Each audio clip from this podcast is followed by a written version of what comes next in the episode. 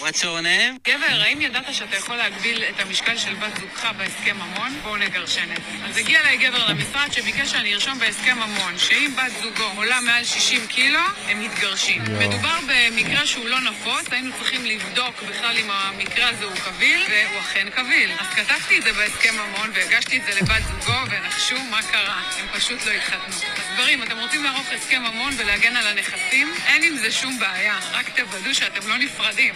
גבר, shocking. shocking, זה יותר. גרוע מעורכות דין שמגינות על אנסים זאתי. וואו, לקחת את זה, זה, לא, מה זה? זה גדול. אה, זה- זה- זה- זה שזה חוקי, זה הזוי. לא, לפחות למישהי שמגינה על אנסים, מגיע לו ייצוג בבית משפט. היא מייעצת זה ללקוח העבודה שלה. זה העבודה שלה. היא, היא צריכה לבדוק אם זה זה חוקי. בהסכם המון. אני בהתחלה שמעתי את זה, חייבתי 60 קילו, לעלות 60 קילו. אבל לא, היא עולה לא, מעל מעל 60 60 קילו. קילו. היא צריכה להיות מאוד רזה. צריכה אני, להישאר מאוד רזה. אני רוצה, אני, אני צריך לעשות דבר שאני בחיים לא עושה, אני רוצה לחשוף בפני המאזינים שאני שוקלת מעל 60 קילו. נכון, נו, מה, גם אני שוקל 160 קילו. בסדר, זה אתה- אנשים אתה נורמליים. גבר בן מטר מטר 87. אני אה, שוקלת. לא מעט נה. 160 קילו, ואני לא רוצה את הגבר הזה, וגם, ואת רזה, את, את, את כאילו, נכון. למי שלא רואה במצלמות. למי ש- אמרו לנו, זה, המ- המאזינים אמרו לנו ש... אמרו לי, יואו, איזה יפה את וזה, אני כזה רזה. אני רוצה להיות נכון. רזה, זה הכל. אמ, אז זה היה מתוך מישהי שהיא עורכת דין ש... נותנת עצות בטיקטוק, לא יודעת, אם איתמר מצא את זה, והיא גם מגרשנת. בוא נגרשן את זה. מהטיקטוק. זה מהטיקטוק. זה מה זה מהטיקטוק. לגרשן? אה, כאילו גירושים. אה, זה מה מסתבר ש... שיש הרבה דברים חוקיים ב- בהסכם ממון. כי הסכם לא אמור, לא אמור לכלול דברים כאלה. מה, כאילו, יש חקרת את זה, הסכמים לא כאילו? חוקיים, זה לא נשמע לי הגיוני, אבל כנראה זה... לא, היא אמרה שיש הרבה דברים. זה- זה אה. לא נשמע לי... אתה לא יכול לבקש מעובד שלך, נניח, שדבר כזה. אבל מה המסקנה שלה? לא שיש דרישות שהן לא הגיוניות, אלא תיזהר, כי יכול להיות שהיא פרדו- שהיא תיפרד ממך. תוודא- שהאישה בעניין, כאילו, שהיא. ממוצא רוסי, שהיא כן. מאמינה בערכים כאלה. אה, היי, אגב, אני רואה עוד סרטונים של החברה שלנו. מה- מלפני אה, כמה פרקים, היועצת הזאת, המפחידה. אה, היא מה. הגברים עשירים רוצים? עכשיו היה לה סרטון על זה שאת חייבת לתת לו כל הזמן, מתי שהוא רוצה, אין דבר כזה כואב לי הראש, אין דבר כזה זה, כי זה מה שגברים עשירים רוצים. לא. זה ממש אפל. טיקטוק ייקח אותנו אחורה. זה יהיה נורא. זה נורא אפל. זה כן. יעביר אותנו לגלעד, גלעד, זה יהיה פה. סליחה, אמ, נועה, כן. לא, רציתי רק להגיד שאנחנו, היי, אני נועה, זה איתי איתמר- איתי רונל, אנחנו בפודקאסט אחרי החתונה. אמ, אני רוצה, אני כבר מרגישה שאני שוכחת כל פעם בתחילת הפרק, גם להזכיר למאזינים לדרג אותנו, גם לכתוב לנו ביקורות יפות באפל, באפל פודקאסט. נכון. ואולי תכתבו, כאילו, פעם זה היה פודקאסט על חתונמי, אבל עכשיו זה על דברים אחרים, אולי זה לא רק למאזיני חתונמי מבט ראשון, אנחנו רוצים שזה יבוא מהשטח. כן, במקום שאנחנו נשנה את התיאור של הפרק, של הפודקאסט, אתם- כמו שצריך, אתם אחראים ש- בביקורות. שינית את התיאור, אל תדאג. אה, שינית? בטח, לא הגזמת. ראיתי, אה, יפה. בסדר. אז שינית את התיאור. אמ, רצינית. לגמרי. אבל, אבל אתם צריכים, אנחנו צריכים לשמוע, אנשים צריכים לשמוע מכם שזה מעניין, גם אם, גם אם הם לא צופים בריאליטי, אה, ותשלחו לנו סיפורים. אה, אנחנו סוף סוף מגיעים לפרק מאוד מיוחד, פרק כסף. הרבה מכם, אנחנו כבר הרבה זמן ביקשנו סיפורים על כסף וקיבלנו סיפורים מעולים ומטריפים. ולפני שאנחנו ניגשים לסיפורים על כסף, אני רוצה, היה לי בדיוק רעיון לנושא חדש כן. לפרק, אה, שאמרתי לך. אני רוצה סיפורים על נדל"ן. מה זה סיפורים על נדל"ן? על לעבור לגור ביחד, על חוויות מדירות, על ריבים ששברתם דברים, על משהו שגילית כשהגעת למישהו הביתה. אני- כל דבר שקשור כן. לדירות. אני אסתפק בכמה אני משלם על ביחד. דירה בתל אביב, ותיאור של הדירה מפורט, זה מספיק בשביל, אני יכול לנהל על זה דיונים שלמים, הכל בסדר. יואו, אתה יודע, אם- נדל"ן, כל דבר שקשור לנדל"ן, מצא- באמת. כל דבר אם שקשור קיבלתם לנדל"ן, מסבתא זה- או משהו זה, תספרו לנו, כי אנחנו רוצים לכעוס עליכם. נכון.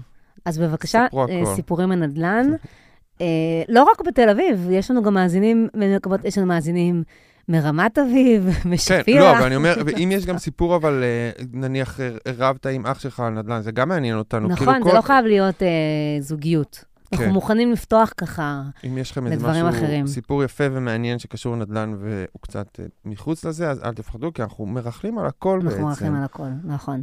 אה, אוקיי, אה, בוא, נ- בוא נתחיל מהסיפור הראשון. אז יאללה. אתה רוצה שאתה... כן, אני, אני את, את הסיפורים של הגברים. יאללה. יש לנו חלוקה מאוד אה, הטרונורמטיבית. בדיוק. יאללה, אה, יש פה שני מוקדים לדיון, אז הוא מחלק את הסיפור. יש שאלה, אומר לאיתמר, לי, אוקיי, רק, רקע כללי. וואו, זה, זה מסובך. אחרי הצבא עברתי תקופה בסינגפור כמאבטח, בן 24, עבודה זמנית של שנה. היא הייתה אישה טיוואנית, גדולה ממני, ב-10, אולי אפילו 15 שנה, וואו, שנועה אוהבת. אוהבת, אוהבת. ועשירה. זה לא קשר מחייב, כי לכל, אחד יש כיוונים uh, שונים, והוא שם רק לתקופה. היא גם בסינגפור בעקבות רילוקיישן, הוא תפרן בעבודה זמנית, למרות שמאבטחים מקבלים הרבה כסף, והיא בתפקיד בכיר בבנק לא, בינלאומי שחיה טוב. אנחנו לא יודעים איזה סוג מאבטח הוא, יש מה... אבל בסדר. לא, סבבה. אז כן. היא מאוד עשירה. והוא אין לו כסף. אחרי כמה חודשים שאנחנו ביחד, הכל קליל, היא אומרת, הזמנתי לנו טיסה, אתה לוקח חופשה לשבוע, אנחנו נוסעים לתאילנד. צילתה עליו, אה? היא הזמינה הכל ופשוט קבעה עובדה, והבנתי שהכל יהיה על חשבונה. היא כן אומרת שיש לה פגישת עבודה שם, ושהיא קנתה את זה היא מנקודות. כאילו כן מבהירה שהיא צריכה להגיע לשם גם לענייני עבודה, זה נראה לי עניין. כן, אבל בכל זאת, משהו אדנותי שהפתיע אותי, אה, והיה לו עבודה ומשמרות שהוא לא יכול להזיז, ופתאום היא אומרת לי שצריך לבוא. מצד שני, היא משלמת על הכל. הייתי צעיר ותפרן והיא הייתה מבוססת, ונוצרה סיטואציה שבעל המאה הוא בעל השליטה. אז השאלה הראשונה, כמה לגיטימי זה מצידה להפתיע אותי ככה, והאם הייתי צריך לנסוע? אז אה, נועה, מה התשובה?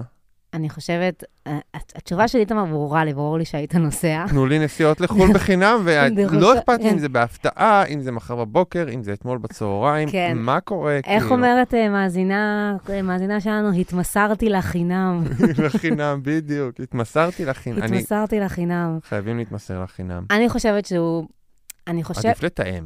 עדיף לתאם, כן, זה ממש מוזר. אני לא חושבת שזה לגיטימי שהיא הפתיעה אותו ככה, אני חושבת שזה מאוד מוזר, כי בעצם היא שמה את, ה, שמה את עצמה בסיטואציה של השולטת, אה, ולא התחשבה ברצונות שלו, יש בזה משהו מאוד... היא, היא, היא כאילו מחליט... היא, היא מחליטה שהיא מחליטה כי יש לה כסף. זה לא הגיוני. נורא מסכן. נורא מסכן. נורא ממש ממש רחמים. אז אבל- היית נוסעת, את היית נוסעת, נוסעת, אני ברור, הייתי נוסע. כולנו היינו נוסעים. גם אתה כאילו, אז גם תחשוב על הסיטואציה, אתה גר בסינגפור, ואז מציעים לך איזושהי חופשה בתאילנד, ואתה אומר, אני פה במקום הזה כולה לאיזה שנה, שנתיים, אני חייב לך לקפוץ על הזדמנויות. הרפתקאות, בדיוק. מקסימום יפטרו אותי מהעבודה, אבל הרפתקה מה זה, בתאילנד. לא הקריירה שלו כמאבטח, הכל ממש, טוב. בדיוק. אה, הוא כתב אפילוג, אבל אני רוצה להגיד ספוילר. ספוילר, בסוף ברור שנסעתי, ישנתי ב-Four Seasons בבנקוק, נו, הכי כיף בעולם. נכון. אחרי שהיא סיימה שם את הפגישות, נסענו למקום חוף מגניב. עד היום זה המלון הכי טוב שישנתי בו בחיים. מלון כזה שאפילו בנים לוקחים את הסבונים והקרימים הביתה. הכל על חשבונה, לא היה מקום לדיון, היא קבעה את כל התוכנית, והאמת שהיה כיף. אז זה קצת כאילו, לי אישית זה היה קצת מוריד עם, עם כאילו מיש... אבל יש גברים שזה עושה להם את זה. שמה, שהיא משלמת עליך הכל? לא, שהיא דומיננטית בלקבוע הכל. לא, ו- להפך, סליחה, משלמת עליך זה טוב. טרנון. זה, זה, זה טוב, אבל אה, לקבוע הכל כן. ולהיות... אני לא אוהב אנשים בכלל שהם קובעים לי הכל, ו... לא, יש מצב שבשבילה, כאילו, עצם העובדה שהיה לה כסף, אז... אז, היא אמרה לעצמה, אוקיי, זאת הדרך שלי לשלוט, אבל... אה, אבל כאילו אולי זה מה, איך שחונכתי, כאילו שרבתי כן. תמיד עם המנהלות והמורות, אבל כאילו כשמישהו עושה לי דברים כאלה, זה מעורר בי משהו אמרת, מעצבים. אמרת רבתי עם המנהלות והמורות, והייתי בטוחה שאמרת שכבתי עם המנהלות והמורות. אמרתי. לאן זה לא, לא, לא. הולך? לא, אבל אה, יש לי, אני תמיד אריב עם סמכות, ואם הבת זוג העשירה תחליט להיות עמדת סמכות, אז אז זה בעייתי. בעיה. אה, טוב, בוא נמשיך. יש פה עוד, זה ממשיך? את רוצה? אה, אוקיי, אוקיי, אוקיי. עכשיו הוא מדבר באופן כללי על העובדה שהיא הייתה שוגר דדי שלו. אה, סליחה, יש לא, פה לא, יש פה עוד דילמה. נכון, נכון, נכון, כן. נכון. אה, הוא הניח שהקשר לא יימשך בגלל כל העניין הגיאוגרפי, ופער גילאים גם. אבל היא התחילה לתת לו מתנות. אני חייתי על משכורת בסיסית, לא היה לי הרבה כסף. בסינגפור זה מאוד בולט עניין המעמדות. היא לוקחת אותי למסעדות הכי טובות, מועדונים משוגעים, ואז היא התחילה לקנות לי מתנות, קנתה לי אייפון או אייפד, זה היה לפני הרבה שנים. מעולם לא דיברנו רשמית על, סטטוס שלהם, לכן הייתי עם עוד בנות והנחתי שזה בסדר, ואז היא גילתה שיצאתי עם עוד בנות, לא ניסיתי להסתיר את זה. כי חשבתי שזה בסדר, והיא ממש כעסה וגם העלתה את העניין שהיא הביאה לי מתנות ושילמה עליי.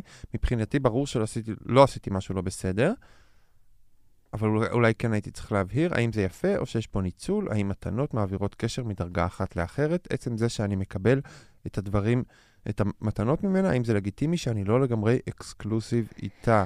אז הוא בעצם, מה, שנוצ... מה שקרה זה שהם היו במין קשר, לא יזיזותי, אבל מין קשר אה, קשר רומנטי, אבל מבחינתו לא מחייב, שהם במהלכו יצאו ובילו, ומן הסתם היא שילמה עליו הרבה דברים, כי היה לה רומן. יותר כסף, הם היו באיזה כן. מין רומן.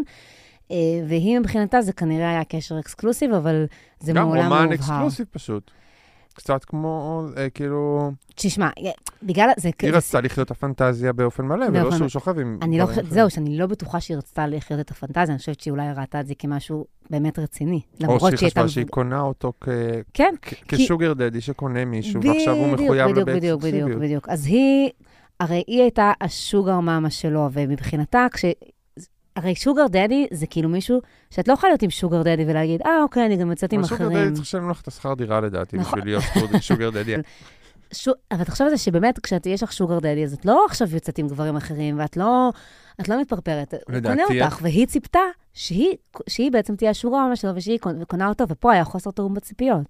דווקא בגלל שהיא היא האישה, והיא לא עשתה את, את מה שהבחורה בדרך כלל עושה בקשר, אלא עשתה את מה, ש, מה שגבר עושה, היא כאילו ציפתה שהיא תקבל את הזכויות של הגבר. והוא ראה את זה דווקא בגלל שהיא הוציאה כל כך הרבה כסף, לדעתי הוא גם ראה את זה כמשהו כן. בר חלוף. כאילו הוא לא הצעצוע. שלה, ולכן לא אכפת לה כן, ממנו. בדיוק. אני חושב שזה מאוד בעייתי לקבל, למרות שכאילו דיברתי על החינמים, זה מאוד בעייתי לקבל מתנות ממי שאתה יוצא איתו קצת. זה קריפי, כן, זה too מאוד much, מוזר, זה כן. מעיק, זה מעיק על שני הצדדים. אתה לא אמור לקבל את הדברים האלה. אתה צריך גם, אם אתה מקבל דבר ראשון, תיצור תחושה שזה לא נעים, לא כדי נעים. שהבא לא יגיע.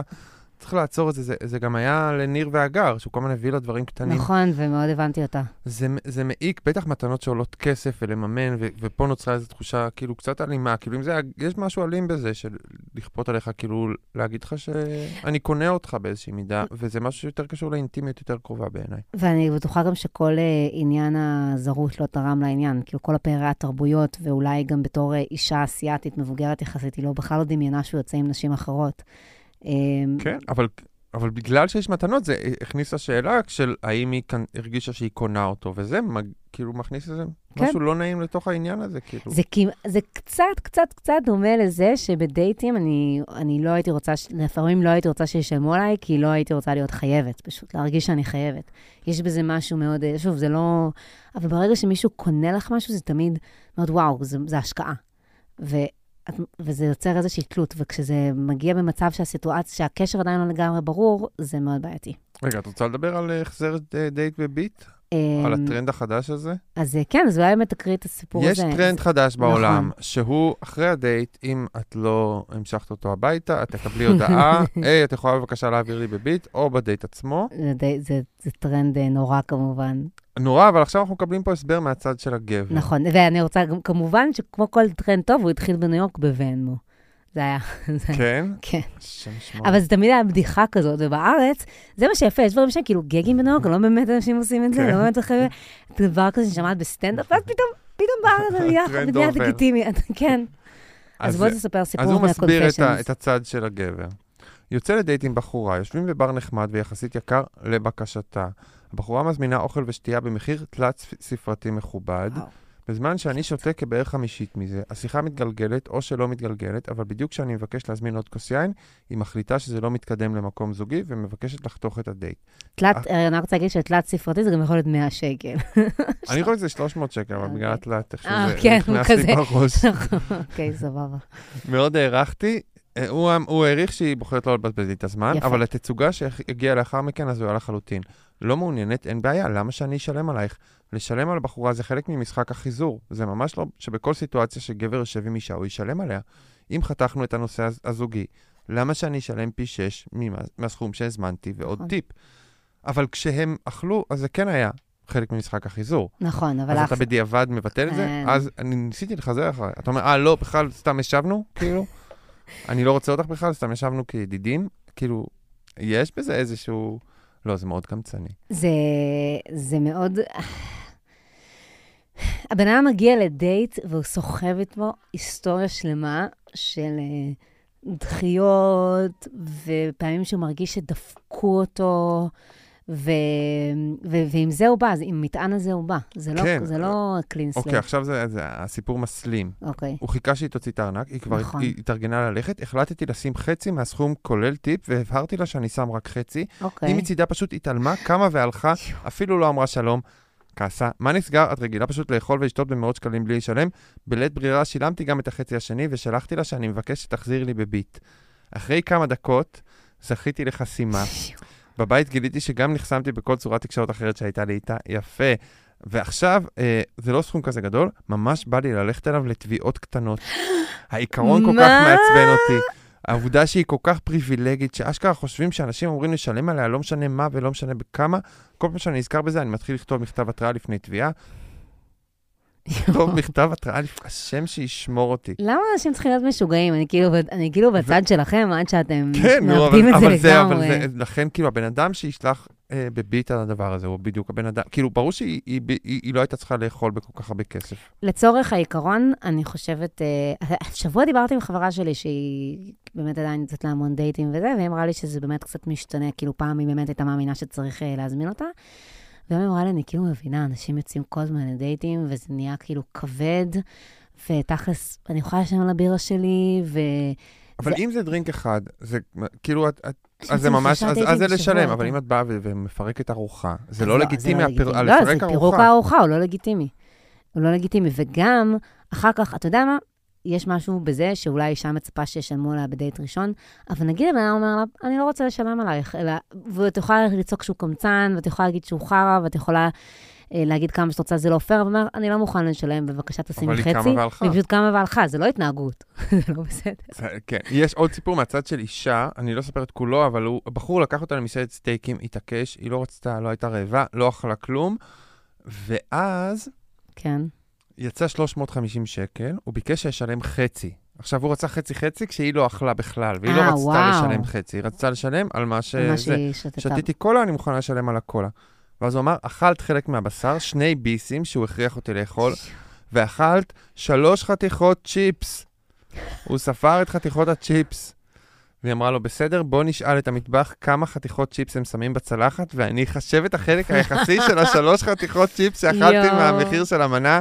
הוא באמת חשב שאני אעשה את זה ופחד מהפדיחות, אז הוא אמר, עזבי, בואי נסיים, אני רואה אם יש, יש לי עסק, סתם הזבלת לי את הזמן. היא רואה עם מילה יש עסק. נכון, ממש. ואז הוא קילל אותה בוואטסאפ, קרא לה נצלנית אוכלת חינם, לדרוש את הכסף. עכשיו אני אגיד את מה שכאילו חשבתי קודם. כן. הגבר הזה והגבר ההוא, שני הגברים האלה, מסתירים מאחורי הדיבור על כסף שנאת נשים מאוד קשה, מהמם. שמתפרצת ברגע ש... ברגע שהיא עשתה את המעשה המאוד ביצ'י במקרה של הבחורה הראשונה שקמה והלכה, הוא ישר, מי את חושבת שאת? נצלנית, נסיכה, כן. בחורות שחושבות שמגיע להם הכל. ואנחנו נשרת אותם. ופה, אותו דבר, רק שהוא ניסה לנצל אותה וכאילו לאכול על חשבונה, ועוד אחר כך יצא לו כל הנצלנית, אני יודע אם יש לי עסק, כאילו, ברגע שהם מגיעים לדייטים, כשהם יודעים שיש משחק של מי ישלם, וברגע שהבחורה רוצה שהם ישלמו, אז כאילו יצא להם כל הכעס על נשים שכאילו נאגר מראש, נכון. וזה קצת לא הוגן ולא מותאם לסיטואציה. השאלה היא מה בא קודם, אה, שנאת הנשים, או הכוויות אה, מלצאת, אה, מלצאת ולהוציא כסף. אני, אינסליות או אז- ליברטניות, ליברט- כמו שהיה מאזינה- שמאוד כעסה, ואמרה שאינסליות זה לא ליברטניות, אז נכון. אנחנו, בסדר, זו השאלה מה בא קודם, הביצה או התרנגולת, האינסליות או הליברטניות. אז אני, אז אני, אני חושבת, אני, תשמע, אתה יודע שפעם הייתה לי חברה שהייתה לה תיאוריה, ואני חושבת שיש בזה משהו נכון, שנשים מוציאות יותר כסף על dating, כי הן צריכות תמיד כאילו להיראות טוב. אנחנו מוצאות שנייה יותר קוסמטיקה, אבל נו. יותר זה ועל זה, ולכן יש משהו הוגן בזה שגברים למה? אתה. קונה חולצה מכופתרת, וזה... אחת! נכון, אתה בסדר, אתה רץ עליה כל הדייטים. אבל אה, לדעתי לא צריך לאכול כל כך הרבה בדייט ראשון פשוט. זה, זה גם מי רוצה לאכול בדייט ראשון? מי רוצה לאכול בדייט ואם בדיוק, יגיע הביתה אחרי. סטייק, אתה רוצה האחרי לה, שלך. אני? אני חושבת שזה ממש בסדר שגברים ישלמו, כל עוד פשוט נגביל את זה, כאילו זה יהיה ברור שזה דייט, שזה. דרינק, שזה דרינק, שזה. קפה, שזה זהו. אבל אז זה גם לא, זה לא נהיה תלת ספרתי. ואז זה גם סבבה. נכון. ואז אני אומר, סבבה, ניסינו, לא הלך. ואז אז כדאי גם לחתוך אחרי, כן, נו, מהמם. אה, אז, ו- אז מצאנו את החוקים, ועדיין, קבענו אה, אותם. בנות ישראל, שתדעו ששוב, אני כל הזמן אומרת את זה בברוקלין הפרוגרסיבית, אתם הייתם משלמים הרבה יותר על הדייטים שלכם, אז תגידו תודה על כל אה, צ'יפס שאתן מקבלות. כי מראש. את, את, כבר הבנות אומרות אני אשלם והבחורים אומרים כן. זה שוב, יש כל כך הרבה, כי בגלל שניו יורק כל כך גדולה, אז בכל מיני סצנות. בסצנה של, אם את יוצאת עם איזשהו, עם פייננס דודס, וכזה אנשים שהולכים לכל מיני מועדונים בניו יורק שאני לא מתקרבת אליהם, אז, אה, אז שם את לא צריכה לשלם, ואפילו יקנו לך דרינקים. כאילו, אפילו, אפילו כאילו, ידידים שלך יקנו לך דרינקים, וזה עדיין ככה. אבל כשזה במקומות כזה יותר של אמנים, אקדמאים, כן. אנשים שכאילו מדברים על השוויון, אז, אז כן, הרבה פעמים תשלמי על עצמך. אני גם עם חברים, אני לא אבקש חצי-חצי, אלא אם כן אני אכלתי פחות מחצי, כאילו. כאילו, אם, אני בחיים לא אהיה מישהו שלקח יותר מחצי ויצפה שישלמו עליו, כאילו. למה? אני אשלם חצי-חצי רק כשהבן אדם השני, כאילו, אבל אכל לא. יותר. אז אתה חייב להיות האלארט, כאילו, אתה לא יכול... לא, כאילו- ברור, אני כן אעשה, אני לא אבקש חצי-חצי, אבל אני בדרך כלל עושה חצי-חצי עם חברים, לא משנה מי אכל מה. אם אני אכלתי, לפעמים אני מתחרז, ואז לא, אני אשלם יותר מחצי. כאילו, לא נעים לי לשלם חצי-חצי כשאני יודע בסדר, אז אתה שהתחזרתי מציע, ואכלתי ואז אתה יותר רואה איך מחצי. זה, אם זה בסוף איזה הבדל של 20 שקל, אז זה לא כזה משנה. כאילו, כי אתה גם אומר, עם חברים, הדברים האלה בסוף מתאזנים. זה מתקזז. זה מתקזז. הבעיה היא בדברים כאלה, הבעיה היא בדייט ראשון, שאתה אומר, אני בחיים לא אקבל את הכסף הזה בחזרה. אני מניחה שאם מישהי בעניין שלך, אז אתה בכיף תשלם עליה, אתה יודע שבסוף, איכשהו יחזור אליך. נו, אז זה הכל איזה-. איזה- איזה חרמנות מודחקת ושנאת נכון. נשים. אז גם. אנחנו לא בעד הטרנד הזה בכלל, כי הוא כולו פרוגרסיבי, במסווה של פרוגרסיביות יש לנו פה הרבה גברים כועסים ו- כן. ועצבנים. בדיוק. וצ'יל אאוט, כאילו, בן אדם בא לדייט בשביל לבדוק בדיוק כמוך או בדיוק כמוך. למרות שהבחור של הסטייקים לא נראה לי, הוא בא לאכול סטייקים. לא, כן. אנשים לא צריכים לאכול, אל- אל אל תאכלו, אל אל תיקחו אנשים, לא, אל גם תיתנו להם אל לאכול. תאכלו, זה לא תגיד, טוב. מה, אתה הולך. לאכול עכשיו? ממה, כאילו, גם איך, הריח והזה, לא צריך גם, טוב, קיצר, לא צריך לאכול. אה, בוא נעבור, איזה, איזה סיפור, איזה, איזה, אם אתה רוצה, יש לנו את הסיפור הארוך עם ה... עם ה אולי נראה לי שנעבור אליו, אבל זאת על הש- הבטלן? על הג- על הג- על ה- הגנב הבטלן? הגדנ"ע בטלן, כן. אוקיי, אני אספר את זה. אז נסעתי לברלין לבקר חברה, אה, וחברה אחרת שלחה לי פייסבוק של ידיד שלה, שיצאה איתו כמה פעמים בניו יורק, והם נשארו בקשר, ועבר לברלין. היא אמרה שיהיה לנו כיף להיפגש, הוא מכיר אנשים מברלין וכולי. אה, בקיצר, איכשהו הכירה בינינו, קבענו בבר ונפגשנו, היה חתיך, מוכשר, כריזמטי, היה בתהליכים של כתיבה של תסריט. דגל אדום, דגל אדום, דגל אדום. בדיוק. שהוא הקריא לי חלקים ממנו. זה, אה, כאילו, אנחנו כותבים תסריטים והכל, אתה לא מקריא לא מקריא. בדייטים, לאף אחד לא. תסריטים, זה העבודה שלך, אתה לא me, זה, לא. זה לא השירים שאתה כותב, זה לא, זה... גם לא את השירים שאתה כותב, אתה גם לא לא. מוציא גיטרה ומנגן בדייט, אתה לא מפגין את כישוריך, לא- איש לא, לאיש לא אכפת, זה לא, לא זה, זה מעניין. להפיל על בן אדם השני, את. כאילו, כן, את השיט כן, שלי, אבל- ועכשיו הוא צריך להבין את זה, לא. עם כל העצות שלנו, אותה זה דווקא הדליק, היה לנו הרבה ממה לדבר, הוא סיפר לי על החיים, הוא נולד בג'מייקה, עבר. לארה"ב, מאוחר יותר לברלין. אני אגיד, זה קצת כאילו, הוא נולד, כאילו, הוא היה שחור, ואז היא כזה, אה, הוא תסריטאי גם, כן, אה, הוא אינטלקטואל. אוקיי. מעניין. אה, ואז אה, הסתובבנו עוד קצת, הוא ליווה אותי, התנשקנו, התנזמזנו, אבל לא היה לי נעים, הנה עוד דגל אדום, לא היה לי נעים להזמין אותו לחברה שהתארחתי אצלה, והוא היה באיזושהי סיטואציה שהוא בין דירות, גר אצל חברים, משהו כזה. השם ישמור כן. אותי. מאותו סוף יום, עד סוף, מאותו, סוף, אה, מאותו יום עד סוף הטיול, אה, נפגשנו כמעט כל היום ובילינו ביחד, אז הייתה תחושה של רומן, לא בטוח התאהבות, ולא דובר על המשך. מצד שני, הרגשתי שיש בינינו חיבור, לא רומן. רק מיני. יפה. הרבה דגלים אדומים היו פה, גם העובדה שהוא אה, מקרין את התסריטים שלו, וגם העובדה שהוא, אין לו איפה לגור. אני חושב, אני רוצה, צריך להחזיר את המילה רומן, ל- את המושג של רומן, משהו קצוב בזמן, משהו קצר, אבל שיש בו יותר משמעות מיזיזות, או סתם יצאתי עם מישהו, סתם שכבתי מישהו, סתם יצאנו זה קצת. באמת משהו שהוא גם מאוד אפשרי יפה. בחו"ל. אגב, הסיפור הזה, הוא- אתה זוכר את הסיפור שלי עם האוסטרליה, זה קצת דומה לזה. כן, כן, כן. כאילו, כשיש זה את בדיוק ה- החוליות הזאת. יש את הפנטזיה, יש איזשהו מקום אה, בלי מחויבות שהדברים קורים בו, ואז מביאים את הבן אדם יש לחיים האמיתיים. רומנטיקה בדבר, כן. יש אינטימיות ויש רומנטיקה, היא פשוט כן. אינטימיות קצובה בזמן, נכון. ולכן זה רומן. אז אה, כשחזרתי לארץ, דיברנו על הקשר, היינו מתכתבים, קצת מדברים וכו', אה, והיה דיבור על זה שאולי הוא יבוא לבקר, אבל זה היה יותר כמו פנטזיה. הוא היה אמן- עני שמפטרים כל יומיים מעבודה אחרת ותמיד קיט- קיטר על כסף. בשלב מסוים פתאום הוא אמר, יאללה, אני בא. אני קונה כרטיס, הייתי מתוסכלת באותה תקופה בכל מיני יחסים כושלים, וזה החמיא לי, את תשומת לב, אה, שמחתי. ולא דיברנו גם אה, על מה יהיה, זאת אומרת, אם זה ניסיון להיות ביחד. היה ברור שזה כמו איזה עוד פרק בהר- בהרפתקה כיפית, אבל לי הייתה, כן, אני מודה שהייתה לי מחשבה על האם זה יכול להתפתח למערכת יחסים. מה? על סמך מה? סמך מה. בחורות באות כל כך מה פתוחות לזה. כן, על סמך זה שהיא בחורה. פתוחות או סגורות, זה תלוי איך אתה מסתכל על זה. מדהים. אמ, לפני שהוא הגיע, הוא סיפר לי שהוא עבר אודישן לצילומי פרסומת, שהוא הולך לצלם בפולין לפני שהוא מגיע, והבנתי שכנראה בגלל זה הוא יכול לקבל ולקבל לקבל סכום הכרטיס. כסף. כן, והוא מחכה לכסף. לא, זה, זה דגל אדום. בן אדם שאומר לך, אני מחכה, כאילו זה אומר לכסף. שיש לו בעיות של כסף. מה אתה בדיוק, מפרט בדיוק, את, בדיוק. את המצב של העובר ושב שלך? אוקיי, מפה לשם נסעתי לפגוש אותו בנתב"ג, אני לא זוכרת בדיוק מה, מתי הוא אמר את זה, אבל היה איזה עניין עם התשלום מהפרסומת, לא עבר כסף לחשבון, אין לו מה למשוך, ואז הבנתי שלמעשה הוא בא עם שטר של 20 יורו בכיס, וזהו. הוא אמר שהכסף אמור לעבור לחשבון בקרוב, בלה בלה בלה. אז בינתיים שילמתי לכרטיס רכבת שלו מהשדה, ולאט לאט הבנתי שאני פשוט צריכה לשלם לו על הכל, והוא לרגע לא אמר, שמי, סליחה, נקלעתי למצב, אולי תלווי לי, ואני אחזיר לך ברגע שאני אקבל, אלא פשוט היה ברור שאם רוצים לצאת, ואנחנו רוצים לצאת, הכל על חשבוני. אז אכלנו, עשינו כל מיני דברים, ואני פשוט שילמתי. אה, יום אחד גם יצאנו למסעדה, הוא אכל ולא שילם, ואפילו לא ניסה לחסוך. למשל, שתה שלושה דרינקים על חשבוני באותו ערב. במקביל ראיתי שהוא כן מנסה לבדוק מה קורה עם הכסף, ואם הוא עבר לחשבון, היה לי ברור שזה לא נעים לו. אחרי כמה ימים הצעתי, אה, הצעתי לו שאולי אני אלווה לו סכום עד שיעבור הכסף. אני אוהבת שבמקום כאילו רומן, היא נהייתה כזה יועצת פיננסית. כן, כן, כן, לא, זה מזעזע. בוא ניתן לך דמי כיס. אז uh, נתתי לו 500 שקל, כי כבר באמת התעצבנתי על זה שהוא עומד בסיטואציה הזאת, uh, וחשבתי שבתוך יומיים זה יסתדר. בשלב מסוים חלק מהכסף עבר לחשבון, אבל אז הסתבר שאין לו גישה לחשבון בנק שלו, כי הוא שכח את הקוד של הכרטיס. שקר. גם הפעם הייתי עדה לשיחות המאוד אמיתיות שלו עם הבנק בניסיונות לשחזר את הקוד. זה לא היה שיחות חמודה, הוא דיבר עם אימא שלו. ממש, יואו, השם ישמור אותי. נו, אה, נגמרו לו 500 שקל תוך יומיים, נסענו לים המלח עם חברים, ושוב הייתי צריכה לשלם על הכל.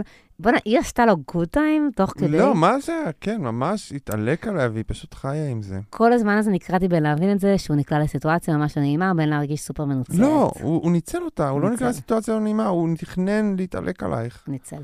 לאט לאט הבנתי. שמדובר בניצול והתחלתי לכעוס. אמ, קיצר, חשוב לציין שאומנם לא הייתי במצב כמו שלו, אבל גרתי בדירת חדר מתפרקת ביפו, והייתי בתחילת דרכי כמעצבת, וממש לא היו לי אלפי שקלים ספייר בחשבון. אה, ידעתי גם שאין לו משפחה, שאמא שלו חיה שנים בשלטרים שלא מנסים בטקסס, לא היה לו לפני לפנות לקבל כסף. איכשהו גם תוך כדי נהנינו ביחד, איזה צדיקה. ואפילו התקרבנו. זה היה כמו להעמיד פנים למשך עשרה ימים שאנחנו זוג, או בעצם כאילו שהכרתי בן זוג לעשרה ימים. שכרתי. היא שכרה בן זוג לעשרה ימים, זה באמת מה שקרה. אה, זהו, כי שכרתי, היא ממש, ממש, גם יש מצב שחלק מהעניין של ההתמודדות הפיננסית גרמה להבין איך זה באמת בחיים האמיתיים. באיזשהו שלב ביקור התעצבנתי עליו, רבנו, ביקש מחבר מברלין שישלח לו כסף, ונתן לי חזרה 500 שקל, שזה פחות ממה שהוצאתי, אז הרגשתי עוד יותר מפגרת, כי זה סתם הוציא אותי קמצנית. אתה מבין, בסוף, כאילו, הוא אומר לה, בסדר, אני אחזיר את 500 שקל, אם זה מה שאת רוצה, כן? ואז הוא בעצם מוציא אותה קמצנית. כן. אמ, לא, סבבה. הוא הת- הוא הוא התעלק, כן, הריב בכלל לא היה על זה שאני דורשת שיחזיר את הכסף, אלא על העמדה שהוא שם אותי בה. החבר, אגב, שיא איזה ישראלים מתוקים, החבר היה ישראלי לשעבר, אמר לו ש-500 שקל זה ממש לא כזה הרבה, ושהוא לא מבין למה אני עושה מזה סיפור. אה, אז למה הוא לא הביא לו 500 שקל? כן, לגמרי. אה, זהו, איזה. אחר כך, עכשיו, היא לא מספרת לנו מה קרה בסוף, אם הוא החזיר לה את הכסף או לא, אבל היא אומרת. החזיר לה את ה-500 שקל ואמר, אבל "קחי". 500. זהו, היא לא דרשה יותר אז מזה. היא לא הוציאה... וואו. היא לא דרשה יותר אחר כך. סיפרתי לחברה את הסיפור, אה, והיא מספרת, לחברה שבעצם יצאה איתו גם, והיא מספרת שהיא סיפרה שפעם שהם יצאו ביניהם, ביניהם גם, ביניהם, שהם יצאו גם היה איזה סיפור עם כסף, הם הלכו לאכול כמה פעמים ברצף בחוץ, והוא כל הזמן שכח את הארנק. היא העירה איזה משהו, וכדי לפצות אותה, הוא קנה מצרכים ובא לה והכין לה פנקיקים, אבל כשהוא הלך הביתה, הוא שם בחזרה את הסירופ מייפל, מייפל בתיק ולקח אותו איתו. הבחור הזה, זה היה יכול להיות עוד סיפור. הבחור לא, הוא כן. הוא חי על ה- הוא חי על נשים. כל הכבוד לו. איתמר אומר, מה, מה עשיתי בח... מה, איזה פנייה לקחתי שאני לא חי ככה? אני חושבת, כן. אין לי רחמים עליו אה, בכלל. ברור, עלוקה, כן. הוא בא- הוא הוא ניצל אותך, זה היה ניצול. אני לא מבינה איך היא הצליחה לשרוד איתו את כל הימים האלה, ולקח אותו לים המלח, ולארוחה עם חברים, ולפה ולשם, כאילו, אני חושב שזה, זה? אני כאילו רוצה, צריך לדבר על הגזע, אני חושב שזה קשור לעובדה שהוא שחור, וכאילו כן, לא. נעים לה להגיד, אה, הוא מתעלק עליי כמו, הוא נוכל שמתעלק אבל עליי. אנחנו וזה בישראל. מה זה קשור? זה כאילו, אני יכולה להבין בארצות הברית, אבל פה מי, מי בכלל שם לב מראש, הוא בא האלה? מג'מייקה, הוא בא מהרקע הזה, כאילו נורא קל לזרוק עליו את הנוכל, כמו שאנחנו זורקים עליו, והיא מאוד מאוד הרגישה רע מלעשות את כן. הקישור הזה, וכל הזמן נתנה לו אקסטרה כבוד ואקסטרה כזה, לא, לא, הוא בסדר, לא, לא, הוא- הוא לא מנסה, לא, לא. זהו, למה אני שופטת? אני באה מהפריבילגיות שלי, ואני צריכה להבין שיש אנשים שלא יכולים ישר להתקשר להורים, נתקעו. כן. ו... לא שאני אומרת שהיא אומרת פריבילגית, אבל...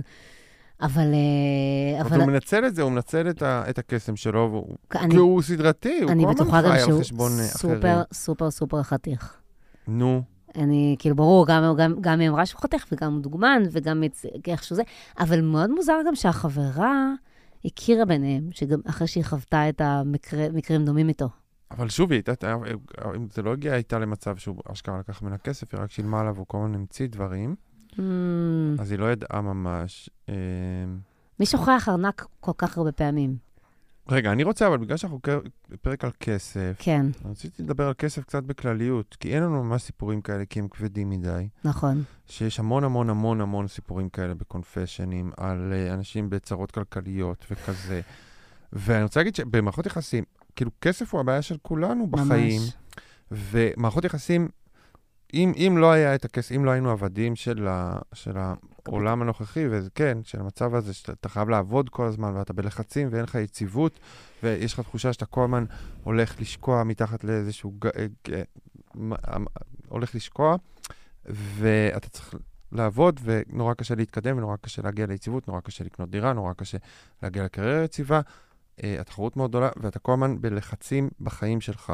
ואז קשה באמת לגדל אה, ילד, או לעשות זוגיות, או לחיות את החיים שלך. ואם אם כאילו לא היה את הלחצים האלה על כל בן אדם, אה, לחזור הביתה מותש ועצבני, ורוצה להרוג את העולם, ואתה נשאר עם בן אדם אחד, יש פה בן אדם אחד מולך, כן, וברור שהעצבים יצאו, כי זה העולם יורק עליך כל, כל יום. זה עוד דבר לא פרי, שזה כשאתה עשיר זה הרבה יותר קל להיות בזוגיות. גם הרבה יותר, כי הרבה יותר קל להיות נדיב. הרבה יותר קל ולא להיות לחוץ, ולא להיות... ולהקדיש זמן למערכת יחסים. אמ, אבל זה גם העניין של... נד- עכשיו, אני לא יודע אם כאילו, כן, אני לא יודע איך זה להיות עשיר, אבל אני יודע איך זה כשיש לך את ה... כאילו, אז אני לא יודע, אולי יש להם, כאילו, קש, קשה, לא יודע, אני לא יכול להגיד שלמישהו אחר לא קשה. זה גם אבל אני משהו... רוצה להגיד, אבל כאילו, בחיים שלי זה תמיד משהו שהוא משמעותי יותר מכל דבר אחר, וכאילו אף פעם לא מדובר. נכון. זאת אומרת שאם קשר לא הצליח, זה הרבה בגלל שגם כאילו, ה- החיים קשים, כאילו, ואנחנו בלחצים בלתי פוסקים, ואין לנו פנאי וקשב אני אוהבת לראות... שני. אני אוהבת לראות זוגות שאחד אה, בא מרקע קשה והשני בא מרקע מבוסס, ואני אומרת, אה, אוקיי, יש איזו הוגנות בחיים. ש- אה, שלחלק את ההון. כן, לחלק ה- את ההון, וזה לא קורה המון. בסופו של דבר, אנשים הרבה פעמים, אתה יודע, אשכנזים מבוססים נפגשים כן. באותם חוגים. לא, ולהפך, וזה, וזה מבאס. כי אני אומרת, יש איזשהו... כן, אבל גם בורגנים. חיים תחת המגף, כאילו, בעולם לא, שלנו. חד משמעית. כולם בלחץ. כאילו, עד כמו- שאתה אתה צריך להיות מאוד עשיר בשביל לא לחיות בלחץ בלתי פוסק, זה- ובתחושה שאתה מפסיד. זה כמו שדיברנו על זה שבוע שעבר, על ה... שאנחנו כזה אומרים אה, שמישהו, אה, מה זה היה? אה, שלח דיקפיק למישהי אחרת, ואתה אומר כזה חצי בצחוק, כמובן, תעזבי אותו. ואז אמרנו, כאילו, לעזוב מישהו זה גם החלטה כלכלית מאוד מאוד קשה. זה לכן אנשים נשארים. כן, זה הקטע, זה קבוצת ו- וידואים זוגית, ורוב הדברים זה על כסף. רוב הדברים בסופו של דבר זה כסף. זה אני לא יכולה לעזוב נכון. בגלל כסף, או, או אני לא יכולה ממש. להישאר בגלל כסף, הכסף מלחיץ, אשתי כבר לא, לא איתי, וכאילו כל הזמן יש ריבים על זה. אבל אנחנו צריכים גם לזכור שאנשים נכנסים לזוגיות בגלל כסף. כאילו, זה יותר הגיוני כלכלית, לגור באותה דירה למשל. כמו היועצת יחסים שלנו, השירלי הזאת, שאומרת שאת צריכה לשכב עם הגבר העשיר שלך, ואז הוא, נכון. הוא יממן אותה. לא, אבל איזה אנשים עוברים לגור ביחד אם לא מתוך החלטה נדל"נית? זה תמיד קורה, אפרופו פרק אבל נדל"ן זו החלטה כלכלית של. לשלב כוחות כלכליים, כאילו נכון. לשלב כאילו כוחות בגורל, כאילו עצוב, כלכלי, כאילו לשלוב את הגורל העצוב שלך בשני, ולהגיד כאילו, בסדר, נשקע ביחד ב... כמו ש... כן. אבל אני, אבל אני, אבל זה באמת... ואני גם חושבת, למשל, ואני גם חושבת שעדיין, מן הסתם, כפי שאתה רואה גם בקונפשנים האלה, ובגלל זה זה לפעמים עדיין פייר שגברים משלמים על דייטים, נשים עדיין נמצאות באיזושהי עמדת פחיתות. ב... זה הקטע, זה גם למה, כאילו נחיתות. כשדיברנו על אה, להישאר אישה בבית, ב- ב- ב- בפרק הקודם. הקודם, קיבלתי היום נזיפה, איתמר, עליך. ועליי שזה לא בסדר שאמרתי את כן. זה, בואו תחפשו אותי, בואו תגידו לי בפנים, ואני אענה לכם- את זה. אחר כך הורג את השליחה. אמא שלי עד היום עובדת יותר ממני, אני לא, זה, אין, לא, אין לי כבוד לזה, בסדר. אני לך- בטלן בעצמי. לא, אבל, אבל למה אתה אומר? בגלל זה אתה אומר, אתה אומר בסופו של דבר, זה גם מתוך הצורך. אה, כאילו, אתה חושב שאולי, נש... ש... זאת אומרת, שכל העניין הזה, הוא, העניין הזה של נשים שלא עובדות, זה מה שמנציח את הפערים. אה, כן, זה גם, זה גם לא, לא דוגמה טובה כל כך לילדים לדעתי, אבל כאילו, כי אתה צריך לראות את ההורים שלך עובדים, את שני ההורים שלך שווים ועובדים וקיימים בעולם וכאלה. מצד שני, כאילו, אח שלי כתב את דוק, דוקטורט על, בת, על כן. בטלה, באמת? וכאילו, כ- כ- כאקט אנטי-קפיטליסטי, בדיוק כמו שאת אמרת, אז אני כאילו לא רוצה להיות כל כך נגד בטלנות, כי בטלנות היא באמת, יש בה משהו יפה שקצת מושמץ ב, בזמן וגם שלנו, אבל על לקרוא על לדבר. בשמו, להגיד אני רוצה לגדל את הילד, זה להיות בטלנית, ובואו בואו תגידו לי, כי, כי, כי, לגדל ילד לא זה לא כזה קשה. זה לא עבודה במשרה מלאה. זה עבודה במשרה מלאה אם את מגדלת אותו בבית, אבל כאמור, אנחנו יודעים שיש קשה. שמונה שעות ביום, שעות בסדר, העבודה, אבל יש לך ילד אחד, איתמר, כל רגע שיהיה לך כמה. שלושה ילדים, גם הם במסגרות שמונה שעות ביום. בסדר, אבל זה יכול לא- להיות משרה זה מלאה. בת- סבבה, זה בטלנות בעיניי, ואני מכבד בטלנות וכבחירת חיים והכול. אה, אבל אה, אני חושבת, אבל, אבל, אבל כן, אבל שוב, משהו בזה שפעם גבר התפקיד המסורתי שלו היה כזה, ואישה המסורתית שלה כזה, גם היה מאוד מקל כלכלית על כולם. כאילו, אף אחד לא... גם, אבל צריך- יכולת לה- להתפרנס ממשכורת אחת, מה שהיום הרבה יותר קשה. נכון, אומרת, אבל ה- לא ה- תצטרך להוציא מלא כסף על מסגרות לגידול ילדים ועל כל מיני... כן, שהחינוך אה, הוא לא חינם. שאתה לא תצטרך לגדל אותו. אה, לא, רציתי להגיד שאם את לא עובדת ובאמת רוצה לגדל את הילדים, אז כשתרצי להתגרש, פתאום את מוצאת את עצמך נכון. במצב שאין לך לאן ליפול, בגלל שלא בנית את הדבר הזה. כי אין לך קריירה, וכאילו, אז את פתאום, מאיפה אני אשיג את הכסף? וזה בעיה, זה חוסר עצמאות, זה בעיה. אבל גם להתגרש זאת החלטה... היא תמיד, כאילו. זאת הח- זאת- זאת- זאת- לתמיד, אבל זו גם החלטה כלכלית קשה. פתאום צריך Mhm. לשלם הכל כפול. כן, כי כולם נפגעים מזה כלכלית. אז כשאנחנו מציעים לכם אה, לעזוב את הבית, אז אה, תתייעצו בבקשה עם אה, מומחה. לא, זה פשוט תמיד מבאס כמה אנשים עם כסף, פשוט הרבה יותר קל. אה, אז זה אני לא יודע מה קל להם או לא, כי אני לא הייתי, אני כאילו לא, וגם אני, אנשים עניים, אני לא יודע את החוויה של אנשים באמת קשה להם עם כסף, כי אני כן. גם זעיר בורגני כזה, אבל אני יודע את החוויה שלי כזעיר בורגני, וזה כאילו, ואני חושב שזה כזה, רוב העם, זה אנשים שחיים עם, עם, עם לחצים מאוד גדולים כל היום. וגם, אתה יודע משהו, אבל אני כן אגיד את זה, גם אם את, אה, לא, גם אם את אישה בטלנית, כפי שאיתמר אמר, שאני חושבת שזה במערכות- במערכות אה, כפולות ומכופלות, כי אה, אני חושבת שזה חשוב לדעת מה קורה בחשבונות הבנק שלכם, ולדעת... זאת אומרת, יש הרבה אנשים שעדיין... חשבונות הבנק שאת לא תורמת להם. גם כן. סבבה? את תורמת להם, וזה שם לגדל את הילדים, איתמר. הוא, הוא גם מגדל את הילדים, הוא חוזר, מה, מה, הוא לא. מגדל את טוב, הילדים? הוא לא עובד משנה. 24 שעות, הוא לא חוזר הביתה בערב ומקלח את הילדים? אני חושבת ש... לא, בסיטואציה המסוימת שאנחנו דיברנו עליה, לא, יש איזושהי חלוקה מסורתית. אבל אני חושבת שזה חלק מהעניין, אה, אה.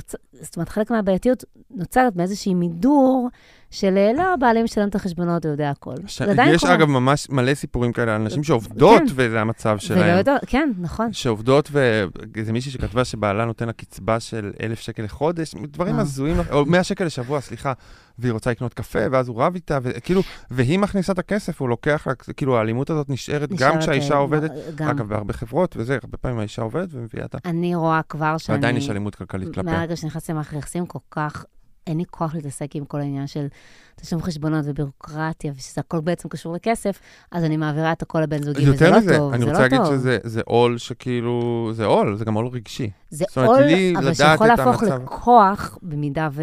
אם ו- אתה עשיר. לא, במידה ונפרדים. לא, כי, כי יש, לה- כאילו, אצלנו. נניח יש גישה, לשנינו זה חשבון משותף, לאשתי יש חשבון שלה, אבל לי אין חשבון, כאילו הכל משותף והכל זה, אבל היא לא רוצה להתעסק בדברים האלה, כי זה מעלה, מעלה חרדות ומעלה לחצים, כן. וכזה, ומדי פעם היא מתעדכנת, אבל ה- זה שהלחץ הקבוע הזה, הוא נשאר עליי, כי כאילו, נכון, אבל זאת, זאת, זאת, זאת ה... הנה, גם בזוגות הפרוגרסיביים ביותר, אבל זה נראה לי האופי שלי והאופי שלה, או האופי שלה בעיקר, שלה מאוד קשה עם זה, אז אני לוקח את זה על עצמי, כי גם לי מאוד קשה עם זה. כאילו, זה כן. מכניס לך חרדה להיכנס לראות את המצב של החשבון הזה. הוא אף פעם לא טוב מספיק, זה כאילו, הוא אף פעם לא טוב, אבל גם כשהוא הוא בסדר, אז הוא לא טוב מספיק. זאת אומרת, זה תמיד, הצוק נמצא איפשהו, קדימה. לא כזה רחוק, כאילו, כמה חודשים ממך. כמה. אני מפצירה ואיתמר שיתקן את המחשב שלו, שיקנה מחשב חדש, הוא אומר, מה את רוצה? כאילו? אני צריך שזה... לא. מבינה שכשהוא ישבוק לגמרי, אז אני... כשלא תהיה ברירה, כשאני אפול מהצוק. ככה אנחנו קונים דברים מהאנשים ה- ה- שאין להם כסף, כן. כן. כשה- כשהדבר נשבר. אז אה, אמ, אוקיי, אתה רוצה עוד סיפור? כן, כן, מה, זה היה כבד קצת, אבל זה היה לא, חשוב זה היה כבד, אבל להגיד. זה היה חשוב מאוד, בסדר, כאילו, זה באמת... אה, אני פשוט, באמת, זה עדיין פשוט תמיד מפתיע אותי איך עדיין יהיו פערים בין גברים לנשים בתחום הזה, לא משנה מה, לא משנה כמה התקדמנו, עדיין ואני אגיד גם, הגברים מנהלים את החשבונות, המון אלימות כלכלית וזה יש. בסוף יצא, כן, וזה יש, בסוף, בסיפורים שלא הבאנו, נכון, קראתי המון המון המון דברים, כאילו, כן. שנורא כאילו מכבידים על הנפש וזה, אבל כאילו זה, זה מאוד קשה. אה, אה, ואוקיי, אה, אוקיי, עכשיו אני רוצה סיפור ממאזינה יותר קליל, לסיפור ה... הש... רגע, איפה נמצא? אה, נו, על אה, שונאי. השירים. לפני שנה יצאתי בערך, לפני שנה בערך יצאתי לדייט עם מישהו מהטינדר, היה נראה ממש חמוד, וגם הייתה לנו שיחה סבבה לפני. הוא עבר תאונת קורקינט. דגל אדום? מה? והתעקש שנתפגש למרות הפציעות. כן, לא, הבנו, הבנו שיש לך משהו נגד... אה, משהו מוצדק והגיוני ממש. כי זה אותם אנשים שיש להם כלבים מכוערים. לא, אמ, לא, אני כן. אני אוהב כלבים, תפסיקו לזה. יש פה כלב הוא היה, שהתחברנו. הוא היה הייטקיסט צעיר ולקח אותי לבר קוקטיילים ודיבר, והתחיל לדבר על כמה חבל על הכסף, כי הוא מכין אחלה קוקטיילים בבית. הערה מוזרה, וזה היה נשמע באמת בקטע כלכלי, ולא ניסיון להשכיב אותי, אז הבלגתי. למה להבליג על זה? אבל אתה קמצנית. אם זה היה דווקא בניסיון להשכיב אותך, הייתי מעריכה את זה יותר. בדיוק. כאילו... אה, רגע, לא, זה. כזה קמצני. גם אנשים שבמסעדה ואני מכין יותר טוב, די, בסדר, בסדר. כן. אני, סבבה, הכל טוב, גם אני מכין אוכל. די. כן, חלק מהעניין של לשלם זה הזה שלא תצטרך להכין את זה. וגם לא להתלונן על זה, אל תתלונן, כן. שילמת, תהנה, זה- תאכל כמה זה- שאתה רוצה. תשאיר כמה שאתה רוצה, תהנה, אל תתלונן. כן. כבר שילמת, כבר יצא הכסף, מה זה יעזור להתלונן? אה, משם וכל הדייט, הוא דיבר על כסף, ולאט לאט הוא התחיל לספר לי על האורח חיים ראוותני שלו. חי בפנטהאוז חמישה חדרים בגינדי, רק עם שותף אחד. רק עם שותף, לא, יש לא לך עדיף, שותף, איזה ראוותני. לא עדיף למצוא דירה קצת יותר קטנה לבד? כאילו? איזה עולב של בחור. פנטהאוז. פנטהאוז בגינדי. נו, אז הוא יכול לקנות, הוא יכול לממן בחצי מזה דירה נורמלית לעצמו. לא, הוא, הוא בן אדם עם אה, בעיות אה, תלות, והוא... כן. כן, בדיוק קנה אוטו חדש מליסינג, אוקיי? מתכנן שתיגמר הקורונה, לטוס לכל מיני ילדים יקרים, לא הפסיק לבכות על כמה תל אביב יקרה. הוא היה יחסית צעיר, וזה מאוד הפתיע אותי, גם כי הוא לא היה נראה לי כזה עשיר. אה, כסף היה נושא השיחה שכל הזמן עלה, אבל ניסיתי להיות חמודה, למרות שאורח החיים שלו לא כזה העליב אותי, ובעיקר הרגיש לי מאוד מנותק. זהו, זה כאילו, אני, הסיפור ממשיך עוד שנייה והוא כן. מאוד חשוב, אבל, אבל הפאנץ' שלו, אבל לפני זה, זה מחלה של העידן הזה, של אנשים שהתחביב שלהם זה כסף. הנושא שמעסיק אותם זה כסף, בין אם הם קמצנים או פזרנים, זה כאילו, זה למות אם אתה עם בן אדם כזה, שאתה מבין שזה מה שהוא מדבר עליו, שזה מה שמעסיק אותו. ממש. זה, זה כאילו הפשן שלו, התשוקה שלו, האהבה שלו, התחביב שלו, זה מה שמעניין אותו. כן, זה בעצם מה שהיא אומרת, אתה אומר, הבנתי, כאילו, ש- שכסף זה העיסוק המרכזי בחייו. זה, זה הזוי, זה בן אדם ו- שיכול לדבר רק על זה, כי זה ועל, כל מה ש... ועל רוב העולם זה נכפה, אבל הוא נהנה מזה. הוא גם סובל כנראה, כי הוא קמצן. וזה, ו... אבל כאילו, אבל עיסוק, גם עיסוק תמידי, אתה רוצה דירה ממש יקרה, ואתה חי לא לבד בגלל זה, כאילו, יש פה איזה משהו מאוד לא... לא פטור עם כסף, מתלונן על כמה תל אביב יקרה. כל... שוב, דיברנו, אנחנו מדברים בפ- בפרק על כסף, אבל, אבל ההדחקה של הכסף מהחיים זה חלק מלהיות בן אדם תורבת, כאילו. כן. ו- אבל אה, בכל מקרה, איתמר, אחרי דרינק אחד, הבן אדם הזה מיצה, אוקיי? מהמם. בסוף הוא מיצה, ו... למה היא לא חתכה? ויצאנו לסיבוב ברחוב, ואז הוא שאל אותי מאיפה אני במקור, ואני הייתי תל אביב, ומשם הוא פתח מניפסט שהוא שונא תל אביבים, כי הם גדלים עם כפית זהב בפה, Mm. והם ילדים עשירים ומפונקים. הוא די התעצבן שלא גיליתי את זה קודם, כי זה דיל יואו, מבחינתו. אלוהים אדירים. אה, למרות שהוא לא טרח לשאול, אני הייתי בכלל סטודנטית ענייה, שעבדה מאוד קשה לשלם שכר דירה, הייתי מופתעת, והסברתי לו שזאת סטיגמה, ושאני ורוב החברים שלי עובדים קשה ומניעים את עצמנו. משם הדייט כבר התפוצץ, הוא התיישב בספסל להזמין לעצמו מונית, ואני חזרתי הביתה בשוק, שבן אדם שכל מה שמעניין אותו זה כסף, פוסל בחורות על זה שאולי להורים שלהם יש כסף. הוא כל כך, הוא נשמע בן אדם כל כך טיפש. הוא בלופים שחי- של עצמו, הוא יכול, הוא יכול לצאת עם מישהי עם כסף, ובמקום זה הוא בוחר, אני לא מבינה. הוא סתם איש טיפש נורא, שחי לפי כל מיני קלישאות שהוא חשב עליהן לפני כאילו 15 שנה. זה אנשים כאלה, שאין לי כוח לבן אדם כזה. כאילו, הוא, הוא סתם, הוא זורק קלישאות, הוא חי לפי קלישאות. והוא נוסע... תל על אביבית, לכעוס על בן אדם מולך בגלל שלהורים שלו יש כסף, אתה לא, הוא לא חי בעולם, הוא נשמע לי בן אדם מאוד טיפש ומאוד משעמם. שרואה רואה את ה... כן. מגיע לך טוב בעצמה. יותר. ממש, היית חותכת מזמן. הלאה, הלאה, אני מכין דרינקים בבית יותר טוב, שם לחתוך. זהו, יפה. זה באמת, זה באמת אה, אה, דגל אדום. אני מנסה לחשוב, אני מנסה להיזכר, היה לי פעם מישהו כזה. בכלל, זה קצת כמו שאתה אומר, אני לא מבינה אף פעם למה אנשים אומרים דברים כאלה. כאילו, כשאנשים אומרים, אני הייתי יכול לעשות את זה, חצי מהעניין זה העובדה שאתה לא צריך לעשות את זה. כן. זה אתה משלם. כן, אתה לא צריך לעשות את זה. והכל בסדר, וזה גם כן. לא כזה משנה אני הייתי יכול עכשיו לצייר את זה, אבל. אני לא יושבת ומציירת את זה. נכון. אתם לא, בגלל זה אני משלמת למישהו אחר שיצייר את זה ואני אבוא לראות את זה. כן? אני לא מבינה, ב- כן. כן. אה, אוקיי, יש לנו עוד סיפורים? יש לנו, יש לנו... רגע, לנו אז הרבה. החזרנו על דייטים, זה דיברנו על זה. אה, אוקיי, ניתקתי קשר מוחלט עם חבר בגלל ההצלחה הכלכלית שלו. אני נשוי פלוס שתיים, וואו. מתפרנס בדוחק כמו רובנו ומתקשה לפרנס ולעמוד ביוקר המחיה. החבר הכי טוב שלי הצליח בעסקים בצורה פנומנלית, נטו באזור השתי מיליון בחודש. איפה הוא יודע? חבר משתף. Mm. מרוויח הרבה, זאת אומרת, הבן אדם מיליונר, שמונה דירות בלי משכנתה באזור המרכז, לי אפילו אין אחת. כעסי תמיד שלא שילב אותי בעסקים, לא עזר להרים, להרים לי את הראש מעל המים, לקח אנשים אחרים לנהל זיכיונות של העסק שלו ולא אותי. Mm. אני ואשתו, כאילו השתי זוגות, אנשים היו, היינו ממש חברים, דייטים יחד ונסיעות לחו"ל. הגעתי לשלב ברמת הקנאה שאני לא יכול לראות אותו יותר. וואו. אה, אפשר להבין את זה. אפשר להבין את אה, להתנתק, כן. הוא עובר לקיסריה עכשיו, לבית של עשרה חדרים, בכלל לא עובד קשה, כל היום טס, אני עובד כמו חמור חי בדוחק הכעס, הוא לא על ההצלחה שלו, על חוסר, אלא על חוסר העזרה לי והשילוב בעסקים כאיש אמון. ניתקתי איתו קשר לח... אז זה קצת לגיטימי? זה לגיטימי שהוא זה. משהו שקורה לא, כאילו. זה לגיטימי שניתק איתו קשר, כי אני חושבת שחברות שלו עושה לא, לך אבל טוב, אם זה כל מיני הציפייה תזכורת... לאיש אמון, הציפייה שהוא יכניס אותו לעסקים. לא, זה לא לגיטימי. כי לבן אדם, אה, יש לו כל מיני זיכיונות של... אה, להשאיר יש זיכרונות. מה יש לו? אה, יש לו חדרי כושר ורשת פיצריות. יש מצב ש... מעל 30 סניפים, לא אבל תפרגן לאח שלך סניף? לחבר שלך סניף? לא, מה כן. אתה- מה צריך לפרגן לו סניף? כי זה לא כזה משנה, הוא ינהל אותו, ינהל אותו בסדר, תעזור לו, תרים אותו. לדעתי יש פה מקרה שאנחנו לא לא יודעים את. הצד השני, וכנראה הבן אדם הזה לא לא כשיר. לא? הוא אומר, כל עסק שניסיתי, אה, שניסיתי לא התרומם, אין לי את היכולות שלו. זה כמו לראות כל יום את כל מה שרצית להיות, לעולם לא תהיה. מעניין אם הוא אי פעם אמר לו באמת.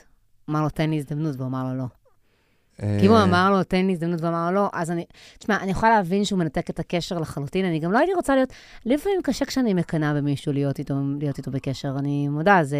כשמישהו, כשמישהו מקבל או חי איזשהו חיים שאת מאוד רוצה, וזה הרבה פעמים קשור. אני חושב שאם התחלתם באותו מקום, והוא נורא הצליח, זה היה נכון. לי נורא קשה. כאילו, לא קשה לי להיות חבר של אנשים הרבה יותר עשירים ממני?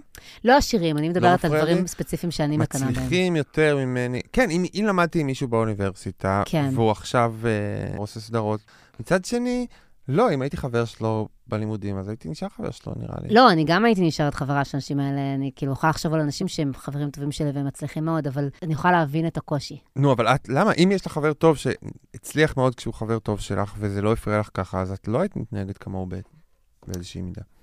נכון, אבל אני יכולה, אני יכולה להגיד, אם למשל הייתי כועסת על זה שמישהו לא היה לוקח אותי לסרט שלו, רגע, מי הכי מפורסם? תני לי מישהו, מישהו מ-HBO שעשה משהו ב-HBO? מהחברים שלנו? שלך. לי אין כאלה אה. בניו יורק? כי פגשת את ההוא מ- אה. לא, בניו יורק? לא, אני לא. חשבתי כאילו מישהו עכשיו עשה את ה... בניו יורק, לא, אתה יודע מה, בארצות, הנה, זה דרך אגב, אמרת על אה, זה, אה, זה שגדלים ביחד ו... אז מקנאים. לי יש חברים, לא חברים, אנשים שאני מכירה בארצות הברית שהצליחו מאוד, אבל אני לא מקנאה בהם כל כך, כי נקודת הפתיחה שלהם הייתה שונה. זה שאנשים ש... גם בארץ, אה, גם חברים שלי, כל, כל נקודת פתיחה היא שונה, אבל באופן עקרוני, שאתם באים מאותו מקום בגיל צעיר, ומישהו אחד מצליח והשני לא, זה גורם, זה גורם לקנאה. כן. לא יודע אם כן, כן. כן. לא, אה, אין לי כל כך דוגמאות לזה, האמת היא. אני לא כל כך מקנא באנשים. אז כאילו, אני, אז לא, אני אז יודע אני, מה אז להגיד, אני ממש כאילו, יכולה מה- לחוות את הרגש הזה, ולכן אני כאילו גם, מבינה אותו. אני מבין את ה... כולם חיים חיים, זה לא כאילו... כאילו, לכולם קשה, זה הכל בסדר, זה כאילו זה שיש לי חלום לעשות משהו ומישהו אחר הגשים, זה לא אומר ששם טוב. נכון, אני יודע לא, ששם לא, קשה זה, גם. זה מבט כאילו, מאוד מפוקח, כי בסוף אתה, אתה מכיר את האנשים האלה שהם אולי הם עושים סדרות, יוצרים סרטים, וכאילו זה, והם גם לא מרוצים. ברור שלא, כן. זה נורא קשה שסוחטים אותך, גונבים לך את הכסף, הורגים אותך, ובסוף אתה מקבל כלום וזה, זה, וזה נורא מתסכל, ואתה מגיע לך יותר, ואתה מרגיש, ברור. לא, ואתה גם, אה, ואתה גם כאילו אולי חי תחת איזושהי ציפייה, למשל. זה תלוי גם מה אתה מגדיר, מגדיר כהצלחה. בסופו של דבר, לכל אחד יש את הדברים שהוא יודע שלא עושים לו טוב, נגיד בחברות, ואני חושבת מהמם. שאתה, ואת, ויש משהו שאתה, שאתה רוצה, ואתה רואה שלאנשים אחרים יש, וכרגע אין לך אותו. זה שבן אדם, זה שאתה יכול להגיד לעצמך, כן, בטח הבן אדם הזה שמצליח ויש לו את הדבר שאני מאוד רוצה ואין לי, גם לו יש את הבעיות שלו, זה קשה לראות מהנקודה הזאת. כן, אני כאילו התחלתי מהזדהות איתו, אבל אני חושב, כשאני חושב על זה, לא הייתי כמוהו. מצד שני, אבל העובדה שיוצאים לחופשות ביחד ולא יש הרבה יותר מדי כסף, תיקח. אותי לחופשות, אז סבבה. זה מאוד קשה לצאת אם אני צריך לשלם על החופשה, כשאתה כאילו, זה אגורות, לא יודע, אבל גם, אני לא, לא, כאילו, כאילו מאוד הזדהיתי איתו כשקראתי את זה, אבל כשאני חושב על עצמי, הייתה לי חברה פעם, שכל הזמן, כאילו, כל פעם שהיינו יוצאים, זה היה בניו יורק, וזה הייתה כזה מציעה מקומות בגבוה, וזה זה לא בשבילי, אני לא רוצה, גם לא אז רוצה את יכולה. להגיד אבל. אז אמרתי את זה בסוף, כן. אבל יש אנשים שזה כזה. גם, דרך אגב, אנשים שחברות היא הרבה פעמים נוצרת על בסיס יכולת כלכלית דומה. כן. שזה גם אה, חשוב, שכאילו כולנו יודעים שאנחנו, כמו קצת סגנון מסוים, וכמו קצת... אז אז זה גם משהו שהוא, שהוא מכתיב. ופה נשמע שפעם הייתה להם יכולת כלכלית דומה והיא השתנתה מאוד. כן. אבל הוא צריך להיות לארג' ולהזמין אותנו לחופשות. כן, אם הוא לוקח אותי למסעדות יקרות, ממש לא אכפת לי. לא, כן, כל עוד תפנק אותי בקטנה, בדברים, אתה, אני, אני לא אקנא. לא, קנאה זה, אתה מרגיש כזה עלוב כשאתה מקנא? יואו, אני מרגיש, שאני לא נשאר זה בזה נורא. מספיק, כאילו... וואי, אני, אני לא מצליחה לצאת מזה. מ- אני מאוד קנאית. למה? אבל את נורא אוהבת אדם, אז כאילו את לא אני יכולה כזה את ה... זה ש... אה, אני אוהבת אותו. אז, אז אני שמחה בשמחתו כזה? זה, בגלל זה אני אומרת, זה כאילו, זה מעניין, זה רגש מאוד אה, משולב, אני מקנאה ואני אוהבת. אני אגב מהסבל של הבן אדם, אני כאילו אומר, אה, הוא גם סובל, הכל בסדר, כאילו מאוד... אה, אני, אני מקנאה, אני מודה בזה, זה רגע שאני כאילו ממש מנסה להתגבר עליו, אבל, אה, אבל, אני, אבל זה לא בהכרח, כאילו יש גם לקנא ל, או יש, יש, אתה יודע, זה לא בהכרח משהו שהוא מייצר בשיא, אבל לפעמים אני אומרת, קצת כמו הבן אדם הזה, לפעמים פשוט, אם אני מקנאה במישהו, אולי אני לא חייבת להסתובב איתו אגב, תקופה. זה, זה לא חטא, לא חטא שלנו, הקנאה, כאילו זה משהו, זה גם רעל שמחדירים בנו, כאילו, ה, מה שקורה בשנים האחרונות של.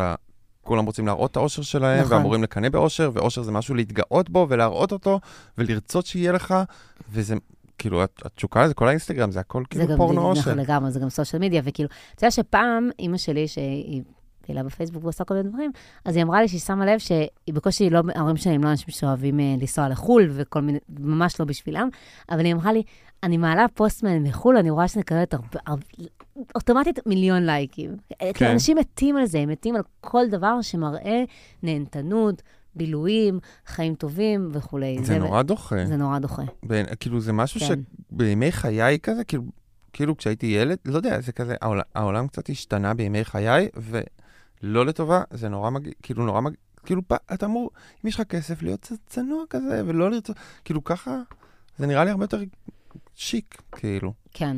להיות כזה עשיר שלא, כאילו, יש משהו מאוד לא, כאילו, נובורישי ו... ו ולא יפה, וכל התרבות שלנו שקועה בזה. אז זה שאנחנו, אם, אם את מקנאת, אם אנחנו מקנאים, החדירו לנו בנו, בנו את התחרות הזאת. מעניין לא- גם עם הבן אדם הזה, אבל אה, ההוא מקיסריה שמצליח וזה, מעניין אם הוא...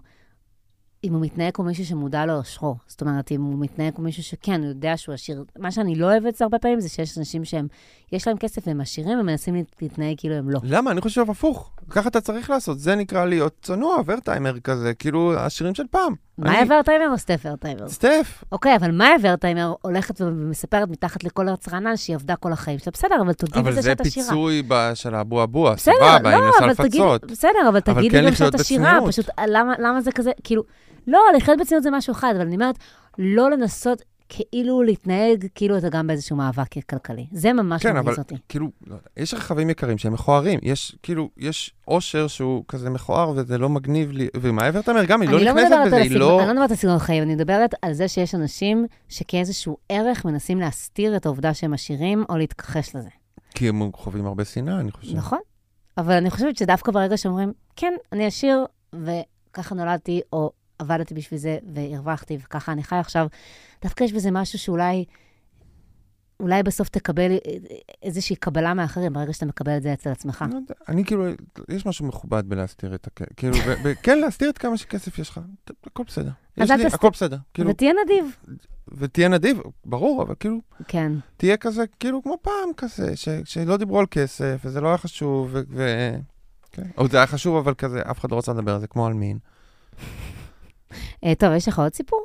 רגע, אנחנו רוצים... אה, יש איזה בני זוג כן. שהוא הגיע... אוקיי, אז היא כתבה בפייסבוק שהוא שם במעטפה לחתונה הרבה יותר ממה שהוא אמר לה שהוא שם. היא כתבה בפייסבוק שמי שם, הוא... שהבן זוג שלה, ואז הוא בא לפייסבוק בשביל לדבר על זה, אוקיי? היא כתבה, ואז הוא כתב פוסט שלם על זה שאשתו קמצנית, אוקיי? אוקיי. וניס- כ- כדי להסביר, כי הוא שם יותר במעטפה ממה שהוא אמר לה, והסתיר ממנה, והיא נורא כעסה, אז היא עשתה על זה פוסט. אז הוא כתב פוסט, הכל אנונימי, הם מנהלים את כל הדיון וואו. בפייסבוק, וכל הפוסט הוא מסביר שאשתו קמצנית, הוא ממש מפרט שם, זה מגילה שלמה על כל הדוגמאות לכך שהיא קמצנית. אה, ואז הוא הוסיף איזה הסבר שקצת נותן לכם את ה... על מערכת יחסים, כי מה שיפה זה שהם ניהלו את הדיון בפ- בפייסבוק. אז הוא הוסיף הערה, מה נראה לכם שלא דיברתי איתה? אין הבנה, שיחות נגמרות בשתיקה. אה, העליתי את הפוסט כדי לשחק במשחק שלה, לא מבין למה היא החליטה לכתוב משהו בפייסבוק במקום לדבר איתי, אבל אם היא לא יודעת לדבר, שומעת לה תגובות של אחרים. היא שומעת תגובות של אנשים לא מוכרים בפייסבוק, מדקלמת אותם אחר כך, כשהם מדברים. כן. אולי תקרא את התגובות פה ותקבל קצת שכל. מעניין, אבל בדרך כלל, בדרך כלל, אה, לא, הבנתי, אבל בדרך כלל נשים, אה, בדרך כלל גברים מקבלים את התואר קמצן. אפרופו מיזוגניה, אבל נשים הם, כאילו, זה, זה משהו שמטביעים בהם להיות קמצניות כזה. מה זאת אומרת? כאילו, הפזרנות זה, זה תכונה שגברים נורא מטמיעים בה, כאילו, תהיה לארג', תפנק, אל תתקמצן, נכון. ונשים לא, ולכן, כאילו, נניח, זה הכללה מאוד זה, אבל אצל לסביות יש המון קמצנות. הן נורא מתקמצנות, מתחשבנות הרבה, כי אין את הקטע הזה של אני חייבת להיות לארג', אני חייב להיות לארג', אני גבר. כי זה מה, לא הן צריכות גברי להיות לשמור קמצן. אה, כסף ליום? אה, לא, זה? כי הם, אין להם את הקטע של over לארג'יות, כאילו, של להרגיש רע עם זה שאתה מתקמצן, של כן. להרגיש שאני חייב להיות לארג', אני חייב להיות, כאילו, לצאת גבר. לא, הן אומרות, זה כסף שלי, כסף שלך, והם מתנהלים בצורה יותר קרה. אבל אם נגיד על אה, נשים אומרים שהם, שהם bitch או מכשפה או זה, אז קמצן למשל זאת מילה שאומרים לגבר. מילה כי שהיא גבר אמור לא- מיזנדריה. כי אמור להיות לא קמצן. נכון. כי זה בושה להיות נכון. לגבר קמצן, יש לי כאילו. עוד מילה שתמיד אומרים אה, בהקשר, יש לי עוד אה, מילה שאני הרבה פעמים חושבת עליה, שהיא מאוד מאוד, אה, אה, אה, שהיא מלאה בשנאת גברים. יש איזה לוזר, שזה גם קצת קשור. כאילו לוזר זה גם מישהו שהוא כאילו לא מצליח, כן. אין לו כסף. ואתה לא אומר, לא שומע כמעט את המילה לוזרית. זה ממש אה, משהו שהוא כמעט, אה, מילה שאני מאוד, לפעמים אני כזה רוצה לתאר מישהו במילה הזאת, כן. ואני נמנעת מזה, כי אני חושבת שזה מאוד... כאילו, לגברים יש המון לחץ להצליח. כן, נכון. יש להם המון לחץ... אה, יפה? לא, כן. לא, לא, אני פתאום, פתאום, כן. אני כן, כן אמרתי על בחורות לוזרית, וזה יצא אבל- לי לעשות את ההטייה. בהקשר אחר, אבל פחות כן, בהקשר כן, כן, אבל זה כלכלי. ממש נכון, כי כאילו גבר חייב להצליח, ואם כן. הוא לא מצליח, אז זה מילת גנאי, כאילו, לא כן, זה להצליח. מילת גנאי. אתה לא מצליחה. אני, כשעברתי לניו יורק, אז הייתי ב-30, והייתי אה, כזה, לא בדיוק הייתה לי עבודה, וכל הזמן עשיתי כל מיני חלטורות, זה וזה וזה, וכל מקום שכזה הייתי מספרת, אז אומרים לי, וואי, איזה יופי, וואי, איזה יופי. ואז אה, דיברתי על אה, חבר שהיה במצב דומה, לחפש את עצמך, ואת זה, ואת מנסה, ואת... אז סיפרתי לחבר שהיה דומה, והוא אמר שלגברים זה ממש אחרת. כאילו, אפילו בדייטינג, שהם רואה איך זה מפריע לבנות שאין לו עבודה. כאילו, הוא לא מקבל את המחמאות של איזה יופי שאתה הולך ואתה מחפש את עצמך ואתה זה, אלא ישר כאילו, הן חושדות בו שהוא זה איזה יותר בטלן מפריע, מובטל. זה כאילו כזה קו אדום. כן, זה- בדיוק, נו. נכון. ואישה עדיין יכולה, זה גם היתרון שלה, אישה עדיין יכולה להגיד, אין לי עבודה כרגע, אני מחפשת את עצמי, אני לומדת את זה, אני זה וזה וזה, זה יותר קל כשאת בעולם הזה. כן, מצד שני, אני הרי כאילו התחלתי קשר- קשרים כשהייתי במצב הזה ש- שהייתי אבוד, ועדיין אתה איריזיסטיבל. אתה... זה ממש, אני אומר, אבל כן, אולי כנראה בחורות ספציפיות לא היה אבל לא- אכפת להן. זה לא כאילו, אני תמיד היה קשה בטלן. לביטחון העצמי שלך? הביטחון העצמי שלי מבוסס על דברים אחרים מהכסף שאני מרוויח. אני לא מרוויח, אחרת הייתי באשפתות, כאילו, אם זה היה על פי הכסף שאני מרוויח, לא. זה בסדר, אז צריך הרבה... לא. השפיע עליי כל כך. אני קצת כמו האיש הזה מג'מייקה שגר, רק שאני לא מתעלק באמת, אבל אה, כן. מה, אמן אני כזה? כשהיית יוצא, אז היית, אז היית משלם על בחורות? כן, כן, כן, והם גם עושים את הטקס של לא, אני אשלם, אה, ואני אעשה. לא, לא, אין מצב, סליחה. אבל זה אף פעם לא, הם לא אכלו, זה תמיד היה כאילו, ברור, נו, זה דרינק, כאילו. קוק? קוק זה זה גם היה יקר. מה שאני אמרתי. מה קוק? לא, מה אם הייתה רוצה קוק?